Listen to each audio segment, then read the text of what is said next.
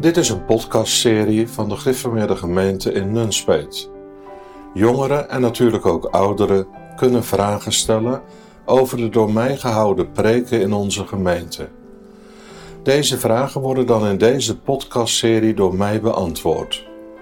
We hopen dat de Heer ook dit middel wil gebruiken tot de uitbreiding van zijn koninkrijk en dat het tot verduidelijking en verder onderzoek mag dienen.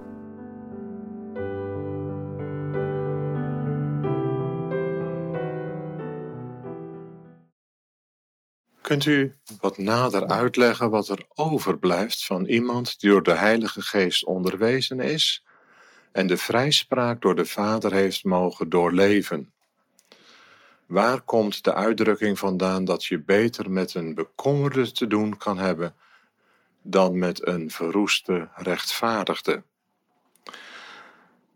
Deze vraag is naar aanleiding van de regioavond die gehouden werd voor de Bond van Vrouwenverenigingen, waar het onderwerp was de rechtvaardigmaking.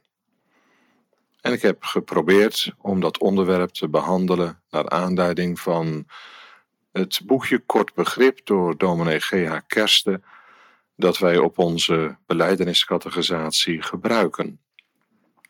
En nu is de vraag: als iemand gerechtvaardigd is, als iemand die troost persoonlijk mag kennen, wat blijft er dan van zo iemand over?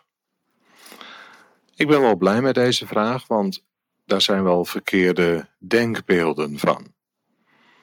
Men denkt soms dat wij een aantal stadia hebben en als je die doorlopen hebt, dan ben je er dan heb je alles beleefd wat er te beleven valt. Het is inderdaad een groot voorrecht om te mogen weten dat je zonden vergeven zijn. Er zijn maar twee soorten mensen. Er zijn rechtvaardigen en goddelozen. En als wij in Christus zijn, dan zijn onze zonden ook in Hem vergeven. Alleen niet al Gods kinderen hebben daar duidelijkheid over. Niet al Gods kinderen hebben daar ook de zekerheid van.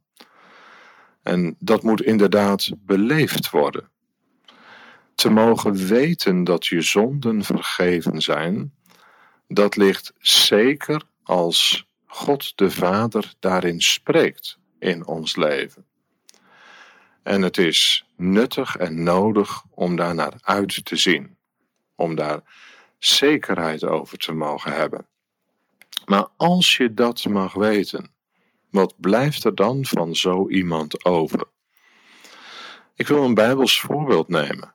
Ik denk aan de apostel Paulus. Hij mocht het zeker weten, een kind van God te zijn. Hij mocht het zeker weten dat zijn zonden vergeven zijn. Op verschillende plaatsen spreekt hij daar duidelijk over. De uitdrukking is van de apostel Paulus, want wij weten. En wij dan gerechtvaardigd zijnde. Dat was voor de apostel geen misschientje. Maar wat blijft er van de apostel over? Een arme zondaar. Want dezezelfde Paulus zegt: Ik ellendig mens, wie zal mij verlossen van het lichaam deze doods? Het goede wat ik wil, dat doe ik niet, maar het kwade dat ik niet wil, dat doe ik. Ik ellendig mens. Uit de rechtvaardigmaking vloeit de heiligmaking. De heiligmaking is de vernieuwing. En in dat proces van vernieuwing komen Gods kinderen erachter dat ze zondaren zijn, ook al zijn hun zonden vergeven. Ze moeten het inleven uit U, geen vrucht meer in de eeuwigheid. Ze moeten leren uit een ander te leven, uit Christus te leven. Ze moeten ook in de heiligmaking sterven aan zichzelf. Christus moet alles worden. En dat is een proces waarin Gods kinderen steeds minder worden in zichzelf. Dus in plaats dat iemand die mag weten dat zijn zonden vergeven zijn, steeds rijker wordt of steeds krachtiger wordt, is juist het tegenovergestelde waar. Hoe meer oefeningen in het geloof, hoe kleiner, hoe afhankelijker. Dan gaan we beleven wat Johannes de Doper heeft gezegd: Hij moet wassen en ik minder worden. Waar komt de uitdrukking vandaan dat je beter een bekommerde met een bekommerde van doen kan hebben dan met een verroeste gerechtvaardigde? Eerlijk gezegd ken ik de uitdrukking eigenlijk niet zo. Ik denk dat er verschillende varianten zijn van die uitdrukking. Maar de bedoeling is, als iemand mag weten dat zijn zonden vergeven zijn en hij maakt daarvan zijn grond en hij heeft Christus niet nodig en de heiligmaking functioneert niet in zijn leven, dan gaat er van zo'n christen helemaal niets uit.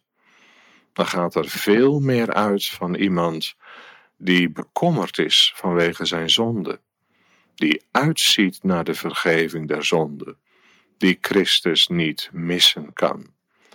Dat zou na de rechtvaardiging in beoefening moeten zijn, te mogen leven uit Hem, vruchten te mogen voortbrengen door Hem.